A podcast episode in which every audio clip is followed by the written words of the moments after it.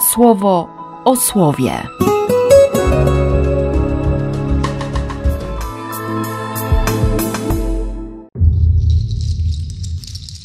13 grudnia, poniedziałek. Piękna jest ta historia opisana między 22 a 24 rozdziałem Księgi Liczb. Balak, syn Sipora, chce przeklinać Izraela, więc wzywa Balama. Bo kogo pobłogosławi, doznaje powodzenia, a kogo przeklnie, zniszczy go przekleństwo. Ten się nie chce zgodzić, bo mu Bóg w nocy mówi, że to że to zdecydowanie nie po jego myśli, by przeklinać Izraela. Jest kilka pozornych niezgodności.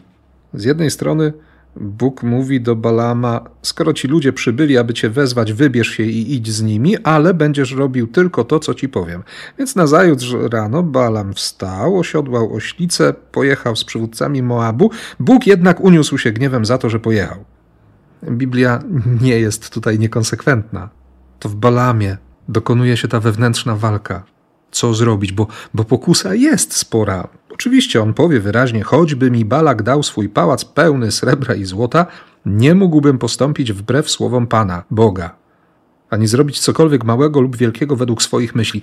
To mi tak mocno zostało, kiedy czytałem sobie całość tego 24 rozdziału, kiedy kiedy już po trzecim błogosławieństwie, zamiast przeklinaniu Izraelitów, Balak mówi: Wezwałem cię, abyś przeklął, a ty już trzeci raz wypowiadasz błogosławieństwo. Wynoś się do siebie.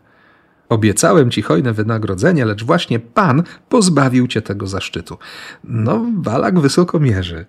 A Balaam odpowiada: Nie powiedziałem już twoim posłańcom? Choćby mi Balak dał swój pałac, nie mógłbym postąpić wbrew słowom Pana, ani sam z siebie zrobić cokolwiek szkodliwego lub życzliwego. O tym zapominam, nie? Że, że wszystko jest darem, że mogę błogosławić, bo, bo Bóg daje taką łaskę. I ostatnie dni też mi mocno pokazują, że, że wcale nie jest tak, że cokolwiek Bóg powie, to właśnie powtórzę. Mm, to nie takie proste, nie? A z drugiej strony, skoro tamten prorok nie Izraelita, przekonuje się, że właściwe w oczach Boga jest błogosławić i robi to, to pomyślałem sobie, że przecież dlaczego dziś Bóg nie miałby się posłużyć kimś, żeby mi objawić swoje słowo, żeby, żeby mnie ostrzec albo żeby mnie pobłogosławić. I kiedy czytałem to słowo w czasie Eucharystii do pustego kościoła, znaczy mając świadomość tego, że, że gdzieś tam z boku są dwie siostry, które słuchają, ale nikogo nie widziałem przed sobą.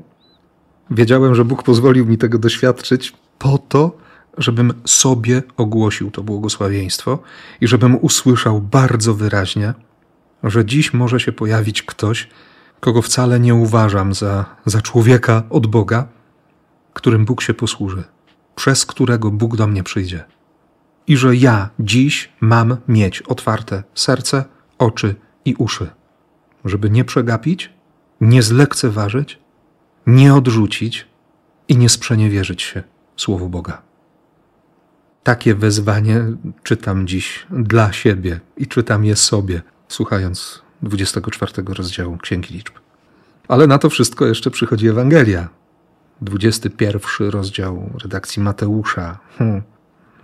Kilkanaście wersetów wcześniej Jezus wchodzi na teren świątyni, wyrzuca sprzedających, kupujących, mówi wyraźnie, że to ma być dom modlitwy, a nie jaskinia grabieżców. Ale w przeciwieństwie do innych ewangelistów, Mateusz zaznacza, że Jezus nie wyszedł ze świątyni, tylko niewidomych, chromych innych chorych uzdrowił, kiedy do niego podeszli. Oczywiście arcykapłani uczeni widzą cuda, i jeszcze słyszą dzieci wołające na terenie świątyni: Hosanna synowi Dawida. No, oburzyli się i mówią do Jezusa: Słyszysz, co one wołają?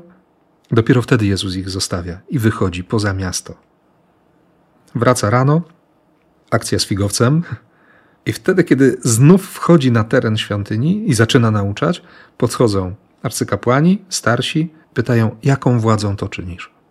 Kto ci dał władzę, że burzysz to, co było, uzdrawiasz, skupiasz na sobie uwagę I jeszcze nie reagujesz, kiedy dzieciaki krzyczą Hosanna.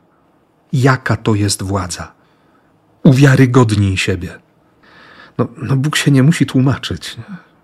Ja o tym zapominam. Nie wiem, czy ty też. Ale Bóg nam się nie musi tłumaczyć. Przychodzi, wywróci wszystko do góry nogami, jak to kiedyś Augustyn Pelanowski powiedział, niech przyjdzie Duch Święty i to wszystko roz, rozwali i zada bardzo proste pytanie o, o inną rzecz. O wiarę, o posłuszeństwo. Bo to było pytanie o posłuszeństwo.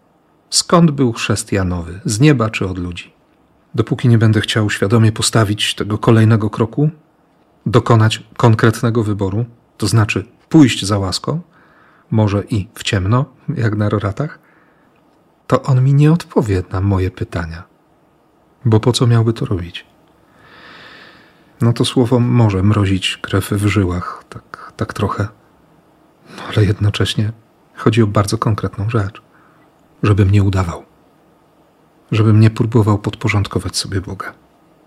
Żeby moje pomysły nie były ważniejsze niż Jego słowo, niż Jego pragnienia, niż Jego tęsknota. Bardzo się cieszę, że, że z tym słowem przyszedł do mnie dziś od rana. I Tobie również życzę, by, by to słowo Cię dzisiaj umocniło, żeby pomogło podjąć właściwe decyzje, żeby było Twoim światłem, żeby Cię poprowadziło przez tę adwentową ciemność. I w tym wszystkim błogosławię Cię w imię Ojca i Syna i Ducha Świętego. Amen. Słowo o słowie.